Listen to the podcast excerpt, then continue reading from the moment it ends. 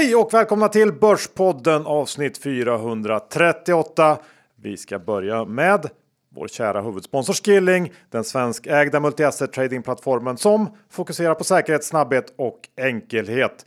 Och det behövs i dagar som dessa när börsen svänger så makalöst mycket. Eh, volatiliteten som det kallas, alltså eh, det mått som beskriver hur mycket en finansiell tillgång rör på sig har varit hög sista dagarna och eh, man kanske inte tänker så där jättemycket på volatiliteten i vanliga fall, men det kan vara värt att fundera på och titta på volatiliteten på de instrument man själv äger. Eh, framförallt kanske för att vara förberedd på hur mycket en eh, tillgång kan svänga i pris. Ja, för det är ju så att som trader har man någon typ av hatkärlek eh, till volatilitet. För lite, det gör att det är svårt att tjäna pengar. För mycket gör att det nästan är för osäkert och riskabelt.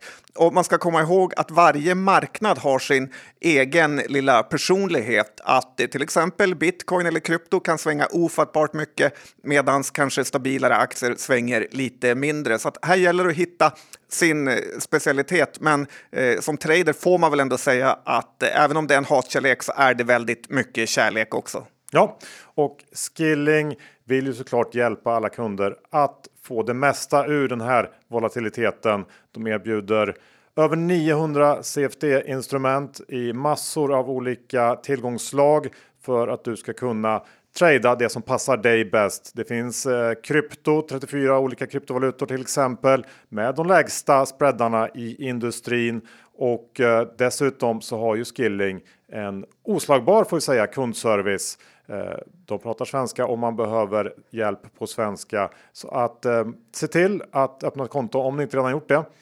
Det är enkelt, eller hur John? Ja, väldigt enkelt. Man använder BankID och sen är det klart. Så är det. Men kom ihåg, 66% av retailkunder förlorar pengar när de har CFDR. Så besök skinning.com för en fullständig ansvarsfri skrivning. Och kom också ihåg att trada kryptovalutor, det är inte eh, tillgängligt för UK traders. Som det säger vi ett stort tack till Skilling. John, vad pratar vi om den här veckan? Det ska bli ett eh, effektsökeri som jag har stört mig väldigt eh, mycket på. Det ska bli Rutger, det ska bli Bonnesen i Swedbank som ska in, locker up som de skriker på EBM. Eh, dessutom en hel del case tycker jag som man måste köpa eller i alla fall fundera på att köpa i den här kraschen vi haft. Så är det och eh, det blir fjällynchningar.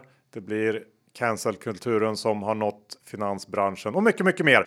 Men innan vi kör igång så är vi också sponsrade av Cameo som är Skandinaviens största investeringsplattform för fastighetsprojekt. Och jag tycker att det kan vara värt att ta upp Cameos track record för av närmare 600 projekt så har endast en kreditförlust konstaterats och det bör väl vara ganska unikt. Ja, det är väldigt imponerande. Och sen är det här som vi gillar, som har mycket pengar på börsen, att det är ett väldigt, väldigt bra komplement till börsen eftersom det inte korrelerar. Det är ett bra inslag att ha i sin eh, sparportfölj. Ja, och det här är ju också väldigt enkelt. Det är inga konstigheter. Det handlar helt enkelt om att man lånar ut pengar till fastighetsprojekt och får ränta varje månad. Och eh, om man vill uppnå då den här härliga ränta på ränta effekten, då kan man återinvestera ränta man får och eh, så börjar det snulla på och bli en snöboll. Ja, vi har ett eh, konto där och eh, vi tycker såklart också att ni ska öppna ett. Hur gör man då Johan? Ja, det enklaste är ju att helt enkelt surfa in på cameo.se och läsa på mer. Vi säger stort tack till Cameo. Johan, Dr. Bass Isaksson, index säger 23,85. Det är nästan lite svårt att ge sådana datapunkter när börsen är i sånt fruktansvärt eh, lynnigt humör som den har startat 2022 med. Men vad är din kommentar som en av Sveriges största expertkommentatorer på ja. börsindex? Mm, så är det. Du, nej men, eh, jag har ju börjat lite svajigt, ner 5 var ungefär på index och jag var i fjällen förra veckan och självklart så passar ju börsen på att braka samman just då. Och man får faktiskt aldrig glömma bort att en av de mest träffsäkra börsreglerna som finns, det är att börsen alltid kollapsar när man är på semester. Jag vet inte riktigt varför det är så, men antagligen för att börsen är konstruerad för att orsaka så mycket smärta som möjligt på så kort tid som möjligt och då passar den på när man är ledig och bara vill ha det skönt. Ehm, men vad är det då som har fått börsen att skaka lite grann? Många förklarar det här med inflationsoro och stigande räntor och det har säkert ett finger med i spelet. Men det kanske också bara är så enkelt att det var dags för en liten avkylning. Index steg ju kraftigt i slutet av december och eh, på många håll och kanter så är det bara nyttigt med en liten sättning tycker jag. Och när det gäller den här inflation och ehm, eh, rädslan för, för stigande räntor så tror jag inte att vi kommer att komma särskilt långt i den här räntehöjningscykeln. Redan nu innan någonting egentligen har hänt så har Fed tajtat till de finansiella villkoren där ute i världen ordentligt bara genom att prata om räntehöjningar och tapering. Och eh, om jag får gissa så tror inte jag att vi kommer få se de där 3-4 höjningarna som konsensus räknar med i år. För ekonomin kommer att vända ner långt innan dess och tvinga fram eh, nya stimulanser. Ja, och det är också nästan en känsla av att de finansiella eh, marknaderna har eh, kidnappat eh, centralbankerna. Att eh, bara de nämner att de ska göra något så kraschar det och så drar de tillbaka sina åtgärder eh, som de hade tänkt göra. Ja, jag håller med och det, man kan nästan lägga till liksom ett tredje mål för centralbanken och det är också att hålla börsen glad känns det som, även om det inte är såklart uttalat. Men det finns där och um, ja, vi får väl se vad som händer. Men jag, jag, tror att eh, det är ungefär så det kommer att gå. För övrigt är ju mitt bästa semesterminne eh, och börsen när vi var i Aruba och eh, Aftonbladet körde den största granskningen någonsin på Lundin Oil som du var toklång. Och eh, ja, du skulle kommit hem brunbränd, men istället var du vitare än någonsin när du kom hem. Ja, eh, som sagt, det är en träffsäker börsregel. Du, eh, Moraliskt effektsökeri är ingenting som du brinner för eller tycker om. Nej, så är det verkligen Johan. Och eh, då och då ser man det här effektsökeriet, både i media och på Twitter, där folk inte kan hålla sig för att låtsas vara goda i någon förhoppning att få cred och eh, ännu värre verka präktiga. Eh, ett exempel jag stört mig enormt på genom åren är att eh, folk säger att det är dyrt med moral och att det är bland annat därför de inte har investerat i spelbolaget Evolution Gaming. Det är höjden av backtrading att låtsas att om man inte varit så god så hade man naturligtvis varit all in i Evolution. När det lika gärna kunde varit Angler Gaming eller Leo Vegas eller Rake Tech. Eh, det är till och med troligare att det skulle varit någon av de bolagen istället för börsens absolut bästa case. Så mitt tips är att när den här typen av människor som är lite för självgoda eh, säger sådana här saker så kan man fråga dem vilket bolag de inte investerar i precis just nu på grund av deras godhet. Så kan man köpa det själv eftersom de tydligen är så fruktansvärt bra och bara avstår tiodubblare sådär. På tal om det här, lite på samma spår, så har du följt de här turerna kring Martin Enlund och eh, Andreas Sten Larsen, eh, alltså de här Nordea-analytikerna som i veckan valde att lämna bolaget efter att ha varit avstängda från sina tjänster eh, sedan slutet av november på, grund av en analys där de varit kritiska till vad ska man säga, sättet många länder valt att hantera pandemin på, alltså restriktioner och, och ganska rejäla inskränkningar i folks frihet. Och jag tror också att det fanns Eh, ett visst ifrågasättande av vaccinationsprogrammets effektivitet i den här analysen. Men, men har du följt det här? Ja, faktiskt. Och man älskar ju namnet Sten O Larsson. Ja, det är lite som en fotbollsspelare 92. Ja, ungefär. Guldlaget kan ha varit med där. Hans pappa kanske? Ja, han var på bänken. Ja. Nej, men utan att gå in på innehållet här i den här analysen så kan jag tycka att det är galet att analytiker vars jobb ju ändå är att vända och vrida på saker och försöka se på händelser ur olika synvinklar inte ska kunna tänka fritt och komma med ifrågasättanden utan att direkt bli avstängda från sina jobb. Det här är på riktigt en farlig utveckling ehm, och en del av den här cancel-kulturen som tyvärr bara blir starkare och starkare överallt i samhället. Alla tjänar ju på en mer öppen debatt där olika åsikter får uttryckas och tolereras. Och jag tycker att Nordeas agerande i den här frågan är, ja, det är pinsamt och felaktigt och det hade ju inte hänt om de hade jobbat eh, på Börspodden kan man säga. Nej, verkligen inte. Och det känns som att den här amerikanska tystnadskulturen där man verkligen måste följa allt företagsledningen och, eller compliance-avdelningen säger eh, har bara blivit starkare och starkare. Eh, lite också konstigt att eftersom Nalle Valros är största ägare, eller bland dem i Nordea, att de är så rädda ändå. Han brukar ändå vara rätt frispråkig. Mm, faktiskt. Um, och när vi ändå är inne på bankspåret, John, Bonnesen åtalas ju. Ja, det gör hon för det hon har gjort eh, som vd för Swedbank och eh, enligt min mening är det här det, ja, bland det bästa som har hänt faktiskt. Att EBM har insett att den största brottsligheten sker inom bolagen och inte utanför. Allra ett annat exempel på att EBM har gjort något vettigt eh, så att man börjar nästan få upp eh, hoppet eh, för dem.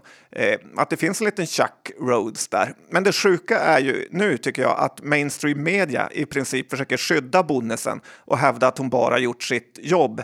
Men då kan jag meddela dem att hennes jobb inte var att ljuga för investerarna att mörka penningtvätt och sen slutligen få kicken för det hon hade gjort. Eh, eh, jag tycker också att EBM skulle kunna ta en titt på alla IPOs som fullständigt havererat eh, med stora lögner i prospekten. Om inte annat borde FI göra det och utfärda enorma böter faktiskt. Så att, jag tycker det är lite glädjande att EBM har börjat sikta in sig på de stora fiskarna och inte bara jaga de små. Ja, nej, men jag håller med faktiskt. Glädjande utveckling. Kanske har de tagit till sig av vår uh, tio år av uh, kritik uh, mot någon kanske, något sånt. Ja, det mm. hoppas att de har gjort. Ja, kanske. en trend som har nått Sverige, kanske, är ju det här guida på VPA. Ja, den trenden har man sett faktiskt poppa upp nu här bara sista veckorna och eh, jag tycker det är spännande. Ilja var ju nyligen ute och höjde Eh, Eh, SBBs vinst per aktieprognos och Balco var ute i måndags och sa att deras nya mål är att VPA, alltså förkortningen för vinst per aktie, eh, ska öka med 20 procent per år. Och att det är bara att inse att det här faktiskt har varit en hit för Balcos aktiekurs eh, som drog iväg ordentligt på de här beskeden. Vissa börsproffs gillar ju att håna VPA som first level, eh, men å andra sidan är det ju bland det mest ärliga. Riskkapitalbolag och bolag som har svaga resultat efter skatt älskar ju att prata i ebita. Eh, ett sådant bolag är ju gymbolaget Sats som gärna säger hur många hundra miljoner de tjänar i ebita, men sen blir det mindre än ingenting kvar efter eh, skatt. Eh, eh, förresten så var ju Sats inte så sena med att stänga bastun med hänvisning till corona. De reglerna hade de inga problem att anpassa sig innan de ens hade införts. Men så här, och det vet ju alla, eller man bör veta det, inom investeringar så finns det inget som är helt rätt eller helt fel. Eh, men det kan alltid vara värt att vara på sin vakt mot bolag som har problem med att få pengar att rinna ner på den berömda sista raden. Ja, men jag tycker också att det är eh, generellt eh, kul att det guidas mer. Sen så har ju varit lite invändningar kanske från framförallt när det gäller SBBs mål där mycket av VPA handlar om värdeförändringar i portföljen och då blir det lite skevt kanske. Eh, det kan jag förstå. Men i övrigt så, så tycker jag att det är bra med mer tydlighet helt enkelt. Du, eh, som sagt, jag var ju i fjällen här i veckan. Har lynchat de svenska fjällen, fjällen kan man säga. Eh, för jag har på min lilla fjällturné besökt Kungsberget, kanske inte räknas som fjällen, eh, men det är ändå ett berg. Tier 8-orten Kungsberget. Ja, exakt. Eh, Sälen, eh, Himmelfjäll som är någon slags nybyggt område precis eh, ett stenkast från Idre och jag har också varit då i gamla Idre om man säger så. Och därmed tycker jag mig kunnat bilda mig en ganska bra uppfattning av läget just nu. Är det Sveriges äldsta skibam vi har att göra med här eller? nej, det skulle jag inte säga. Eh, det finns. Eh, nej, det skulle jag inte säga. Men det tydligaste jag tar med mig är ju den här byggboomen som pågår inom svenska fjällen just nu.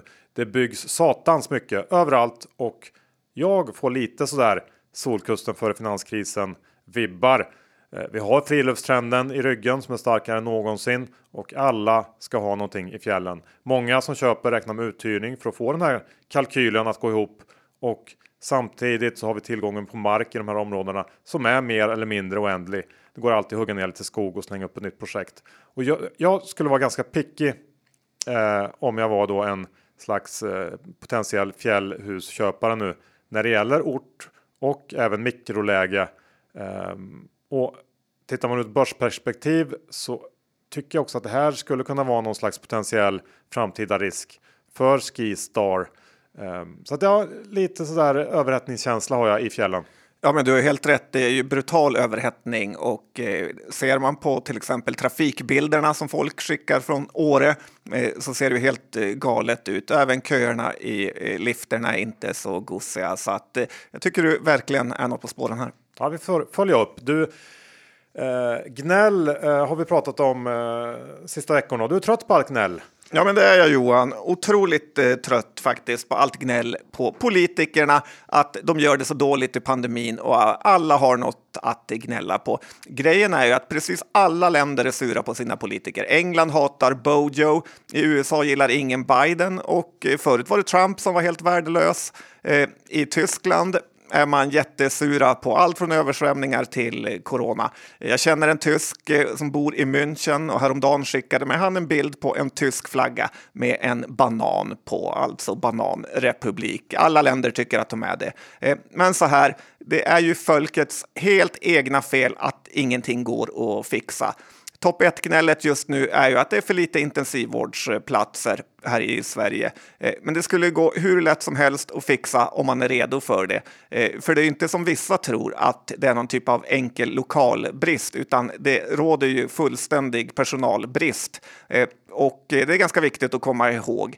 Och här kommer några förslag till att lösa det, så får man se om man är redo att ställa upp Är det BP-partiets officiella förslag? Eller? Nej, om vi vill bli valda så är det här inte några förslag, utan det här är det man måste göra för att få ordning på det här. Och det första är att höja pensionsåldern till 70 år. Så får man tillbaka en massa läkare och sjuksköterskor till yrket, men det är ingen som vill.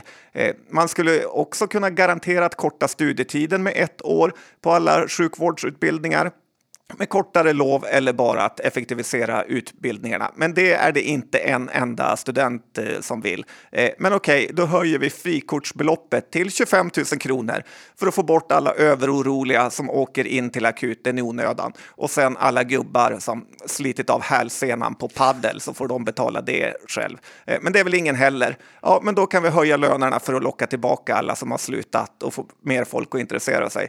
Ja, men då ska skatten höjas brutalt och det vill ingen ingen heller. Så att eh, sluta gnäll bara och så tro inte att eh, svenska politiker är unikt usla, för det är mer jordens befolkning som är gnällig. Ja. Ja, men jag, håller med och jag tycker ändå att många av de här punkterna ligger väl på eh, BP-partiets lista skulle jag säga. Man kan ju inte bara komma med publikfrieri. Helt rätt Johan, även om det är så alla jobbar. Vi är denna vecka sponsrade av Klients kapitalförvaltning. Ja, och Johan, det har ju faktiskt blivit lite av en sån här urban legend att Karl Carl Sundblad är både den som tänder och släcker lampan på Kliens. Hardest working in business eh, sägs det. Och det förstår man ju med tanke på avkastningen och eh, alla IPOer. Han nosar upp med en snipers pricksäkerhet. Han själv förnekade att det var så i Affärsvärldens förvaltarintervju, vilket är lite typiskt eh, Carl. Vill aldrig skryta utan låter siffrorna tala för sig. Andra får gärna ta credden, bara kunderna blir rikare är hans motto. Och eh, det är nog faktiskt därför hans fond har gått eh, så sinnesbra. Eh, Aldrig nöjd, alltid ute efter nästa vinnare. Ja, för den här fonden har faktiskt slagit index fem år i rad. Och vill man läsa på mer och veta mer om Kliens småbolagsfond, då går man in på småbolag.kliens.se och kom ihåg, historisk avkastning är ingen garanti för framtida avkastning. Pengar som placeras i fonder kan både öka och minska värde och det är inte säkert att få tillbaka hela det insatta kapitalet. Och med det säger vi stort tack till Klients kapitalförvaltning. John, som vi var inne på här i början så har index haft lite tufft här i början av året.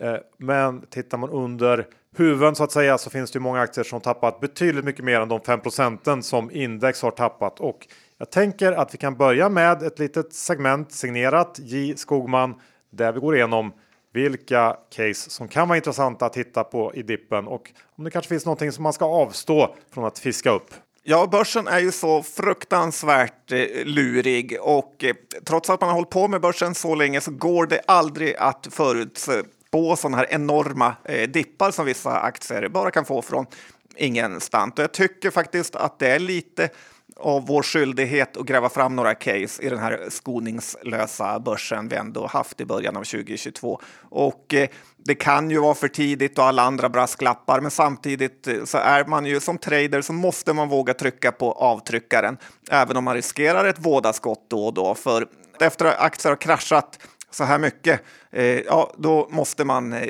antingen så är man ett geni och vet att det kommer rasa mer eller så eh, måste man köpa tycker jag. Men är du sugen Johan på ja, en liten lista? Hemskt sugen. Eh, det första är ett amerikanskt bolag, Rush Street i USA, eh, som är ett spelbolag som nyligen var uppe i 20 dollar och har nu rasat ner till 14 dollar. Eh, egentligen har väl ingenting hänt förutom att kanske hypen inom amerikansk betting har lagt sig lite och Eh, jag tycker att det känns som ett eh, spännande läge att gå in här. Jag har ju eh, tidigare pratat om Rush Street då jag sålde på 16,50 såg jag, vilket var surt och fick en hel del dissar för när det gick upp till 20 på bara några dagar efteråt. Men nu är det roligare att kunna köpa tillbaka den här kring 14. Ja, och det här är väl också ett bolag som har, har omgärdats av budrykten. Det verkar inte som det är just nu blir det någonting av det, men det är också en liten krydda där kanske. Och eh, generellt får man väl säga att eh, även om det inte är lika mycket hås kring eh, bettingläget i USA så är det ju på många sätt eh, starkare än någonsin. New York öppnar ju eh, upp för sportbetting i helgen. Snackas inte så mycket om det. Men det går snabbt i USA nu. Många nya delstater som kommer upp online Eh, och framförallt då när det gäller sportspel. Och om jag får flika in lite här så finns det ju bolag som gynnas av det här i Sverige också. Eh, det var ett tag sedan vi tog upp Catena Media, men det är en sån spelare. Eh, bolaget har en, en Bolaget har ett riktigt starkt 2021 i ryggen, men aktien har gått svagt sedan Q3 när marknaden sänkte aktien efter att bli, blivit besviken på den här svaga trading updaten, vilket väl egentligen gällde för hela sektorn. Men jag undrar om det här inte kan vara en intressant aktie inför kommande rapport. Eh, för med nya delstater live och eh, kanske lite förnyad restriktionsmedvind så kan nog starten på Q1 se ganska bra ut och eh, det borde finnas utrymme för den här aktien att lyfta tycker jag. Och på samma tema så har vi också Better Collective som har en bra bit upp till sina högsta noteringar under förra våren. Så att det finns fler intressanta case att spela om man är intresserad av den amerikanska marknaden här som jag tycker man ska vara. Ja, faktiskt. Förra veckan pratade vi lite om att Finland har gått hårdare mot affiliates, men Catena Media har ju aldrig varit eh, stora i Finland, så att där kan man nog bortse från den oron lite. Jag tror definitivt eh, Catena Media kan vara ett eh, klockrent case som jag har funderat på att köpa in mig Mm. Men vi återgår till din eh, dippköparlista. Vad har du med på den? Ja, nu pratar vi om case som jag kanske vanligtvis inte pratar om och eh, så att eh, var inte chockade utan här köper vi på rekyl. Ett av de casen är Truecaller, för de har ju verkligen åkt på i någon typ av finansiell tårta på tårta härdsmälta. Eh, först är teknikbörskraschen eh, som vi sett i två dagar som mosade alla eh, högt värderade bolag. Och efter man varit börsens i princip största förlorare två dagar i rad så väljer en större ägare att placea ut alla sina aktier flera procent under eh, nedtryckt eh, börskurs. Ganska märkligt kan man tycka, men nu har Truecaller-aktien gått från 138 till 83 på kort tid. Så att rekylmöjligheten finns ju absolut där. Eh, tror man som jag att det är något läskigt med att Truecallers eh, verksamhet till största del är i Indien och att de här GDPR-reglerna eh, kanske införts där likt det gjort i Europa eh, så kan de ju ligga illa till och då ska man ju inte köpa. Samtidigt är ju det absolut ingen ny info utan den har ju alltid legat där. Eh, så Truecaller köper man nu för att det är för många negativa saker som samspelat på väldigt eh, kort tid och eh, ja, ligger till grund för att en möjlig fin eh, rekyl kan komma. Ja, så här lägger du helt enkelt dina negativa åsikter åt sidan och väljer att fokusera på eh, rekylen. Ja, men det skulle jag säga generellt sett en vinnande strategi på börsen att man får eh, skilja på långsiktiga eh, faktorer och eh, kortsiktiga. Mm. För ofta är de långsiktiga redan kända. Ja, vi går vidare. Mips, den har tappat nästan 300 spänn på några få dagar och det är ganska oväntat. Från 1200 ner till 900. Och är det verkligen rimligt att den gör det för att USA ska höja räntan lite snabbare än tänkt? Eller är det överdrivet? Och eh, är det bara så att ett eh, toppkvalitetsbolag som Mips eh, drabbats av allt för snabba utflöden samtidigt som att köparna inte riktigt eh, hunnit med. Eh, jag tror aktien här kommer hämta sig och eh, det finns ju i princip ingenting som tyder på att gäldmarknaden i sig är i en svacka utan snarare tvärtom att fritids och säkerhetstänket bara ökar. Ja, men absolut. Vi går vidare. Ja, Arjo Johan, som gör hjälpmedel för sjuklingar kan man väl säga extremt eh, förenklat. Det har av någon konstig anledning blivit en hackkyckling här, kanske för att det är så eh, högt värderat tidigare. Men analytikerna älskar det och har ju riktkurser kring 120 till 140 kronor och nu kostar den här aktien kring 95 och var bara för någon dag sedan uppe i 110-strecket. Och eh, det känns inte heller här som att sjukhushjälpmedelssektorn har haft det tufft och eh, det är såklart omöjligt att veta hur det har gått att sälja just under den här senaste nedstängningen. Men i långa loppet är nog Arjo värd sina pengar. Eh, det här är också en typ av snittaraktie som eh, de andra jag pratat om kanske inte är, som jag gillar att eh, man kan köpa mer för Arjo är ju, eller Arjo är ju ren kvalitet. Eh, frågan är ju bara eh, vad den är värd just nu.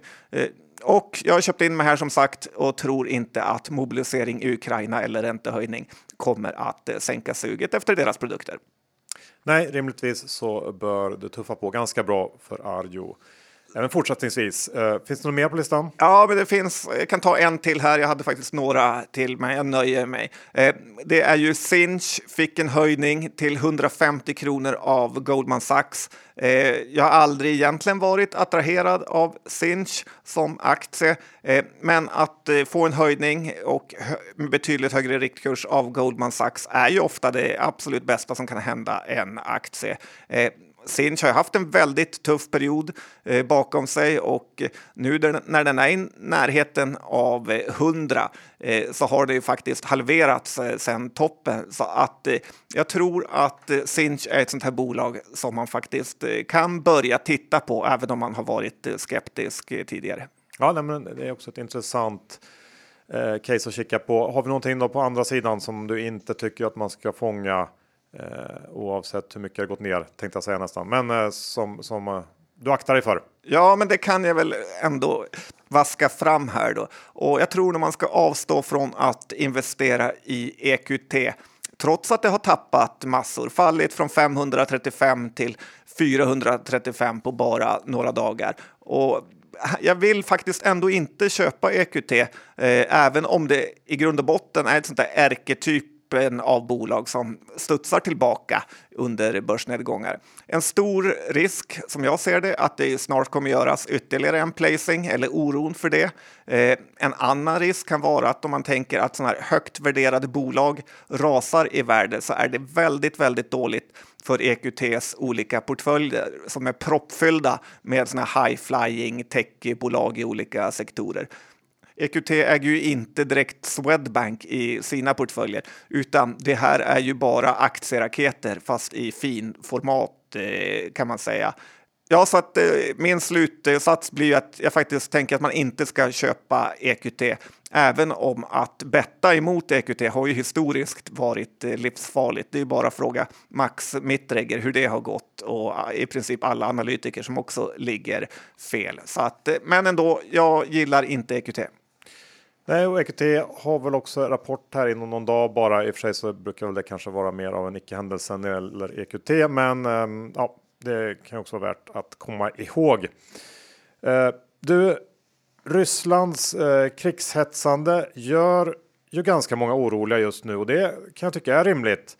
Och det är nog också ganska rimligt att anta att vi under många år framöver kommer att få se hur flera länder väljer att öka sina investeringar i sitt försvar och det här är faktiskt en utveckling som ju då spelar Saab i händerna. Jag har själv inte riktigt tänkt i de här banorna förrän på slutet. Men eh, nu när den här gripen besvikelsen lagt sig så finns det ju faktiskt en möjlighet att marknaden börjar se på Saab med lite nya ögon. För som tur är så säljer Saab även andra prylar än stridsflygplan och precis som vi har sett en vändning i opinion vad det gäller kärnkraft som nu inkluderas i taxonomin så kan man väl ändå tänka sig att det kan bli ESG-kompatibelt att äga försvarsbolag som Saab. För det är ju inte hållbart i längden att inte kunna försvara sig mot Putin eh, heller. Så att eh, jag tycker att det är intressant att tänka på det här. Nu krävs ju inte den här typen av nya fondflöden för att räkna hem aktien som är historiskt billig trots de här ganska goda utsikterna man har kommande år. Eh, så jag tycker det är ett, ändå ett intressant case att titta på nu efter eh, Gripen eh, debaclet som eh, bör ha lagt sig. Ja, jag håller 100 procent med. Vi har ju sett att många av de här amerikanska och eh, europeiska försvarskoncernerna har gått väldigt bra sista tiden. Så att eh, Saab är ett eh, case och som jag alltid har sagt, det är definitivt en utköpskandidat med. Yes. Um, sen har vi två stycken eh, spelare, handlare som har kommit in med siffror. Jag tänker på Dustin och Clas Olsson. Clas Olsson kom med sina eh, decembersiffror i veckan, rasade rejält på det, nästan 16% ner. Eh, och det berodde då på att försäljningen bara ökade 9% mot väntade 12,6. Eh, bolaget själva pekar på att restriktionerna under december bidrog till att begränsa kundtrafiken till butikerna och eh, en 16 nedgång för den missen kan ju eh, kännas eh, ganska hårt, men samtidigt så får man ju ha med sig också att den här aktien ballar ur lite grann, precis som många andra aktier under slutet av 2021. Eh, december är en viktig månad och så får man också justera för den här utdelningen som avskildes samma dag.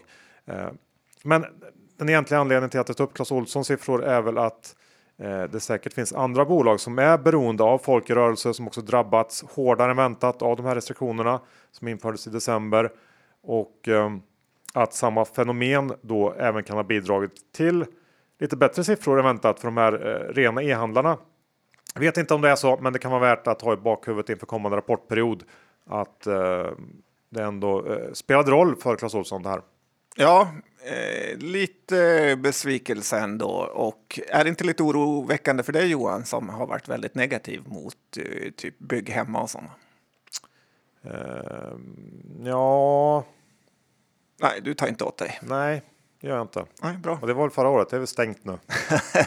Okay. Nej, men, och sen har vi ju Dustin som kom nu eh, på morgonen då med sin Q1 eh, där man slog både eh, estimaten både på omsättning och resultatnivå. Eh, även om lönsamheten var lite, lite svagare än väntat. Men tillgången på produkter har inte varit något problem under det här kvartalet och det kanske eh, ändå kan ha varit ett litet orosmoln inför siffrorna.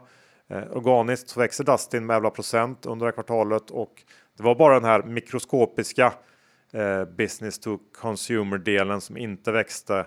Ehm, och det förklaras helt enkelt av lägre volymer under Black Friday som följd av färre kampanjer och det här kanske talar emot eh, det jag just sa när vi snackade Clas Ohlson och e-handlare. Men samtidigt så ligger ju Dustins fokus på företagskunderna. Eh, jag tror det är svårt att dra några jättelångtgående slutsatser av utvecklingen i den här pyttelilla B2C delen som Dustin har. Ehm, och i stort så verkar också integrationen av det här Central Point förvärvet flytta på bra. Man kan nog räkna med, med att de här synergierna man snackat om på 150 miljoner eh, om året eh, kommer att realiseras och att eh, marginalen också då kommer att stärkas fram, eh, framöver. Så jag tycker att det var en stabil rapport av Dustin som också ja, det framstår som ett, ett stabilt aktieval i den här sektorn. Men lite tråkigt, men, men eh, stabilt. Ja, jag gillar Dustin. Också intressant att se hur stora de faktiskt är i Nederländerna. Eh, där de har eh, det här förvärvet då är gjort. Så att eh, Dustin känns som ett eh, bra val och lite undrar man om den här komponentbristen är bortblåst eller vad som hände. Ja, extremt överdriven i media i alla fall, får vi nog säga. Ehm, ska vi avsluta med Castellum, för där har det också faktiskt hänt eh, grejer i veckan. Ja, det har du gjort. Det är väl en av de största finans-Sverige-nyheterna att Rutger tar över Castellum. Folk eh, verkar vara alldeles chockade eh, och eh, tycka att det är någon typ av kupp Eh, trots att eh, Rutger äger eh, väldigt mycket aktier här så är det chockande för dem. Men marknaden tyckte också faktiskt det, för aktien gick ner 4% på det här. Lite av en mardröm är det nog för många som tänkt att Castellum kanske inte är en high performer, men man vet ändå vad man får och då var det här det man var allra mest eh, rädd för, att Castellum ska bli helt styrt av Rutger och gynna honom mer än övriga aktieägare. Rutger har ju aldrig haft något eh, vidare förtroende eh, från börsen, inte i närheten av det typ av förtroende som till exempel David Mindus i Sagax har eller Erik Selin i Balder eller ens Ilja. Utan Rutgers bolag har ju alltid nästan värderats ganska lågt eh, och egentligen är det inte så konstigt för han har gjort det lite svårt för sig med eh, både klövern och Korem har ju konstant haft en massa korsägande och gjort eh, speciella affärer. Uh, man kan väl säga att det varit lite av en one man show här, fast eh, på ett sätt där de övriga aktieägarna hela tiden känt att de är lämnade utanför och Rutger vill gynna sig själv, eh, vilket då såklart visade sig när aktiekursen gick ner 4% på den här nyheten. Och eh, att han då så här lätt bara kan kicka vdn och ta över är ju ett tecken på att styrelsen helt verkar äta ur hans hand. Tyckte att det var lite kul när Rutger sa till det att han var glad att han hade fått frågan av styrelsen. Det kan ju vara en av de största lögnerna. Ja, eh, ja men det händer saker i alla fall på den annars ganska sömniga fastighetsmarknaden. Det kan man ju tycka är kul. Du John, innan vi avslutar så är vi också sponsrade av Kaptena och har träffat Kaptenas vd och grundare Jesper Strandberg för ett snack om deras eh, JSK ISK för onoterat som eh, är intressant eh, i tider som dessa när allt fler investerar i onoterade bolag. Så lyssna på det. Ja, det tycker jag man verkligen ska göra eftersom fler och fler har onoterat och det här kan vara ett väldigt smart ekonomiskt klipp och spendera tiden och lyssna på det här. Välkommen till Börspodden Jesper Strandberg som är vd och grundare av Captena. Tack så mycket. Och eh, Captena ska vi börja med att gå igenom lite kort vad Captena är egentligen för de som inte känner till er. Vi gör det möjligt att äga onoterade värdepapper i det vi kallar för ISK för onoterat och då sätter vi ett situationstecken runt ISK för i grund och botten så är det en kapitalförsäkring. För vi anser att de som investerar i onoterat ska ha samma valmöjligheter som de som investerar i noterade värdepapper. Och alltså ha möjligheten att äga sina onoterade värdepapper i en schablonbeskattad ägarform. Det är grunden vad Kaptena eh, erbjuder och gör. Och, och hur, hur, eh, hur kom du på att dra igång det här? Det, idén föddes egentligen i samband med att ISK började lanseras. Var det 2012 eller något sånt där? Va? Och då satt jag ju på Avanza och vi jämförde olika ägarformer, eh, kapitalförsäkring och det, komma, det som skulle komma då som heter ISK, investeringssparkontot.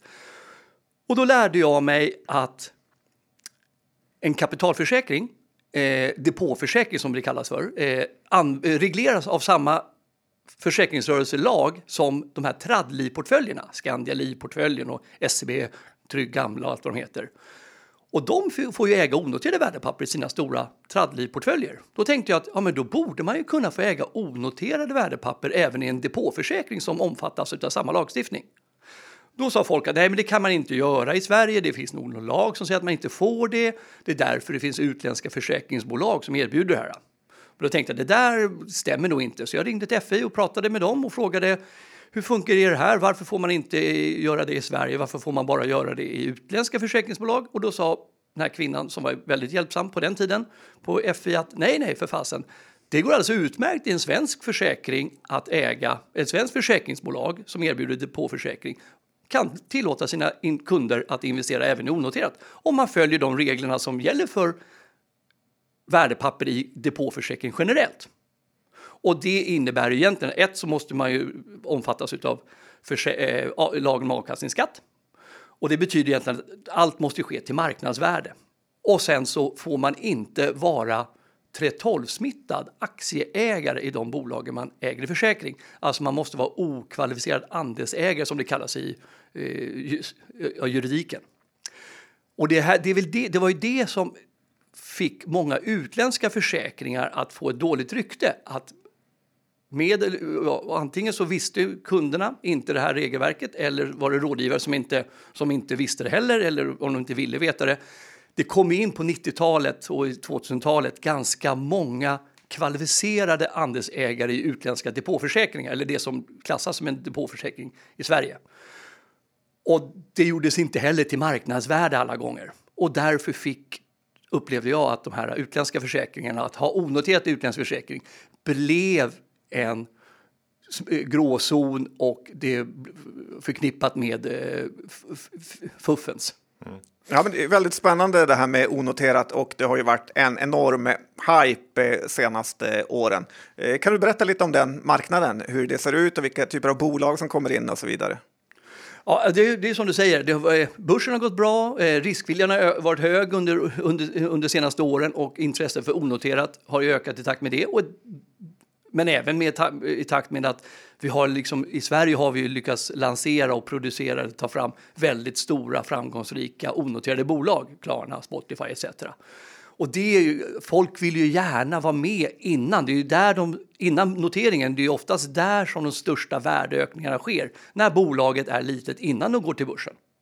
Så att vi ser, har ju sett under åren att det har blivit en fantastiskt stort intresse för onoterat och Captena. Och idag så har vi ungefär 500 olika värdepapper som våra kunder äger och vi har ungefär 2000 kunder och deras samlade värde i de, i de värdepapperna är ungefär 15 miljarder idag. Och det som har gått igenom Captena, för vi har, vi har, vi har ju haft ett hundratal noteringar under åren, exits etc. Obligationer som har förfallit. Eh, det är säkert runt 20 miljarder som har gått igenom Captena. Mm, spännande. Jag tycker personligen att det här är intressant för att precis som alla andra så har jag också investerat i, i onoterat och, och, du och jag John, vi har ju onoterade investeringar i vårt bolag. Så jag tänkte att vi, du kan väl lite kort beskriva när är Captena ett eh, intressant alternativ och när är det kanske inte det för en, en, ett onoterat innehav? Först måste man ju tro på att bolaget ska utvecklas eh, väl för annars är det ju inte bra att äga i någonting i schablonbeskattad ägarform. För du betalar ju alltid årligen en avkastningsskatt. Men det gäller väl alla investerare får man säga. Investera i saker du tror går bra. Ja, precis.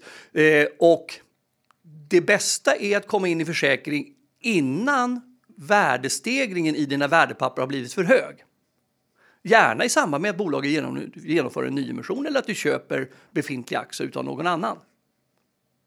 Det är den bästa tidpunkten. Och sen så är det lite grann, oftast är det så att om du förväntar dig och tror att bolaget ska noteras om tre år och, du, och värdet idag är lågt. Eh, om du kommer in tidigt till lågt värde så sparar du en större del i kapitalvinstskatt. Å andra sidan så kommer du ha, betala avkastningsskatt under, flera, under en längre period än om du kommer in inför en notering, men då kommer du komma in till ett högre värde också. Just det. Så det är en liten avvägningsfråga hur man ser på det. Mm. Man brukar alltid vilja veta hur eh, ni tjänar pengar på det här. Hur, eh, vad blir vinsten för er och hur plockar ni ut avgifter? Vi är, så, vi är försäkringsförmedlare bland annat. Vi gör tre saker när det gäller eh, ISK för onoterade, alltså det som vi kallar capture. Eh, det är att vi administrerar och värderar våra kunders innehav. För våra direktkunder så är vi också försäkringsförmedlare. Och som försäkringsförmedlare så får vi en försäkringsprovision som alla försäkringsförmedlare av försäkringsbolaget. Eh, när vi värderar så får vi en, har vi en värderingsavgift baserat på värdet i, i kundens, värdet av kundens innehav. Så det, det är som en traditionell finansiell intäktsmodell. Hur krångligt är det här då? Vi tycker att det är ganska enkelt nu när vi, vi sitter och gör det här varje dag. Vi, vi administrerar väldigt mycket. Eh, och när vi förklarar för kunden hur det fungerar så förstår de att det tar ju längre tid att sätta upp en försäkring med ett onoterat innehav än att öppna en, en kapitalförsäkring på Nordnet till exempel. Eh, men i det stora hela så tycker vi att vi har strömlinjeformat vår admin så att ofta så går det ganska fort. Men inte så fort som att öppna en, en K-försäkring på Nordnet för noterade värdepapper. Hur, hur ser er typiska kund ut? Vore lite intressant att veta. Ja, det där är spännande. Jag kommer från noterade världen och ännu, mer, ännu, mera, ännu mindre noterat. Jag höll på med fonder och fondsparande tidigare, 20 år. Eh, marknaden och de som är aktörerna på, i onoterat, det är jättemånga spännande människor. Det är både affärsänglar och stor, storinvesterare, men det finns väldigt mycket privatpersoner. Allt från tjänstemän till eh, taxichaufförer som investerar i onoterat. Det är jättekul. 95 procent av våra kunder är, ungefär, är privatpersoner. Och medianinnehavet är ungefär 300-400 000 kronor per innehav. Så det, inte, eh, det, går inte att komma till Captena och stoppa in ett innehav eller sälja in ett innehav som man köpt på Fundemami för, för 5 000 spänn. Det funkar inte. Vad är minimibeloppet? Ja, vi har inga minimibelopp, men det finns minimikostnader i försäkringen. Och det gör, om man vänder på det, så, så bör, du nog ha, bör värdet vara 100-150 minimum för att det ska liksom vara lönsamt. Men vi har ju kunder som har en täckningsoption som är värd 20 000 idag och de hoppas ju att den där ska vara värd 2 miljoner om fyra år. Så vi, vi, vi begränsar inte, vi har inga begränsningar men kunden måste själv räkna ut är det värt eller inte med hjälp av hjälpmedel som vi har på hemsidan etc. Ibland när man läser i Breakit eller Day så pratas det mycket om de här gråmarknaderna och när det handel sker där. Eh, Spotify var ju stort, Klarna var stort innan. Eh, och hur är det noterat eller onoterat? Gråhandel är onoterat, eh, men vi har en del bolag som även våra kunder äger som gråhandlas både via Pareto, Monitor eller på ABG. Eh, de är ganska stora inom gråhandel. Där har vi många kunder som kommer, de bolagen, de bolagen har oftast kommit lite längre innan man blir gråhandlad. Spännande. Eh, om vi tittar, alltid kul att veta om du själv använder Captena och eh, om du har investerat i onoterat. Ja, jag använder Captena och jag investerar onoterat. Jag tycker det är jättespännande. Men jag är också en gammal fondsparare från min tid på Avanza. Så att eh, stor del av mina besparingar ligger i fonder, men jag har även onoterat. Finns det några tillfällen då som, som eh, när det inte riktigt passar att, att ta in någonting onoterat i Captena som, som ni ofta är med om att det här, det här eh, där ni tackar nej eller där man inte tycker att det funkar så bra? Ja, ett så, eh, om man är kvalificerad andelsägare. Du kan inte stoppa in i det ena konsultbolag, det funkar inte. Eh, och det förstår folk när vi pratar med dem. Man kan säga att om det finns stora upparbetade orealiserade vinster i ens innehav, ja, då blir ekvationen lite annorlunda. För att du måste ju, när du flyttar eller säljer in det till din försäkring, så måste du göra det till marknadsvärde. Och den eventuella vinsten som uppstår i, det, i samband med den försäljningen, den kommer du ta upp i din K12 eh, eller K4 beskattningsblankett. Så att eh, det eh, stora upp, orealiserade upparbetade vinster, då blir ekvationen en annan. Det är därför det är bättre att komma in i samband med att man, bolaget deltar, eller man deltar i en nyemission som bolaget gör eller köper befintliga aktier av befintliga aktieägare. En grej som har gjort att ISK blivit eh, sån megahit är ju att man inte behöver deklarera eh, affärerna. Hur krångligt är det att eh, deklarera med Captena om man har innehavet där? Det är busenkelt därför att i svenska försäkringar där är det ju försäkringsbolaget som betalar avkastningsskatten. Och, och man deklarerar ju inte det man har i försäkring. Men du måste ju självklart deklarera den transaktionen som sker när du säljer in det till försäkringen. Men när den väl är inne i försäkringen så deklarerar du ingenting. Och det är också så att det är försäkringsbolaget som betalar in avkastningsskatten. Men då måste du självklart istället sätta in likvida medel som täcker avkastningsskatten så att försäkringsbolaget kan betala in den. Men Jesper, du är, har ett väldigt bra namn inom finansindustrin. Men hur är er relation med Skatteverket? Tycker de att det här är bra eller dåligt? Eller har ni ofta fighter med dem gällande eh, hur man värderar innehav och så vidare? Vi upplever en bra relation med Skatteverket. Vi har fått frågor under åren från Skatteverket. Framförallt, eller det enda, enda frågan vi har fått av Skatteverket är baser, eh, eh, är våra värderingar. Hur, hur kom ni fram till att värdet var 12 kronor på det här värdepappret vid ett visst tillfälle? Än så länge har vi inte fått fel mot Skatteverket någon gång. Eh, vi hade ett stort, i vår lilla värld så var det ett stort case när Leo Vegas noterades i 2016. Då ifrågasatte Skatteverket eh, ett x antal av våra kunders deklarationer Eh, vi tillsammans med en skattebyrå som heter Svalner vi och kunderna, vi, de överklagade, vi överklagade Skatteverkets beslut och presenterade hur vi kom fram till det värdet som kunderna sålde in sina eh, Leo Vegas aktier till på under 2015 och vi fick rätt mot Skatteverket. Det betyder ju inte att vi alltid kommer få rätt framöver, men än så länge så har vi inte fått fel i våra värderingar. Vi är trygga med våra värderingar baserat på den informationen vi har, vi får av bolaget och kunden. Men vi kan inte skydda oss mot om du översätter inside-lagstiftningen till onoterat.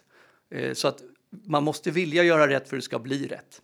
Hur, hur ofta gör ni de här eh, värderingarna av innehaven? Vi värderar löpande minst kvartalsvis. Och den viktigaste tidpunkten för en enskild kund är tillfället när man säljer in det till sin försäkring och årsskiftesvärderingen, för det är vid årsskiftes, värdet vid årsskiftet som är avkastningsskattegrundande. Men vi har, ju, vi har ju kunder som kommer in löpande i olika innehav. Både, det är inte så att alla kommer in kvartalsvis eller kommer in vid årsskiftet, utan det är därför vi, vi, vi därför värderar vi våra kunders innehav löpande. Ja, men det låter väldigt spännande. Johan, vi får titta på om vi ska föra in vårt eh, bolags eh, onoterade innehav till eh, Kaptena. Man gillar ju enkelheten. Men om du skulle säga en slutgiltig pitch till Börspoddens lyssnare som är intresserade av onoterat, vad skulle du ge dem för råd? Ja, alltså det rådet, vi, vi, vi ger inte finansiell rådgivning. Kunderna kommer till oss med sina innehav. Eh, och vi gör det möjligt att, de, att flytta in dem i en försäkring eller sälja in dem till försäkring. Men jag tycker också det är en annan viktig aspekt i Captena och det vi gör är att vi stöttar tillsammans med investerarna och deras, deras rådgivare så stöttar vi ju entreprenörer att få in riskkapital. Vi har, ju, vi har hjälpt ungefär 700 startups med ungefär 200 olika emissioner under åren i olika bolag. Och det är de små bolagen som behöver riskkapitalet. De, de, de, de små, riktigt små bolagen får inte finansiering av VC-firmorna. De är oftast inne på större bolag. Så vi skapar en samhällsnytta som skapar arbetstillfällen i Sverige. Det tycker jag är väldigt en stor del av jag gör, vi gör kapten, att vi vill ju bidra till att näringslivet ska gro i Sverige. Och det är 80 procent av alla nya arbetstillfällen, de skapas i mindre bolag utanför börsen. Och det är en del av Captenas innehav. Så det känns också, man gör det både nytta att kunna bidra till Startup Sverige men förhoppningsvis så kommer man då få mer pengar i plånboken när allt är klart med det här innehavet. Och de här möjligheterna du nämnde nu hittar man på er hemsida då eller? De möjligheterna hittar vi på kaptena.se. Ja, jag tycker det är jättespännande eh, och eh, tycker att det är en bra tjänst ni har tagit fram. Så att om eh, ni håller på med onoterat så gå in på kaptena.se och läs på mer om deras tjänst. Tack så mycket Jesper för att du kom till Börspodden. Tack själva. Slut på avsnitt 438. Vi ska såklart avsluta med att först tacka vår huvudsponsor Skilling.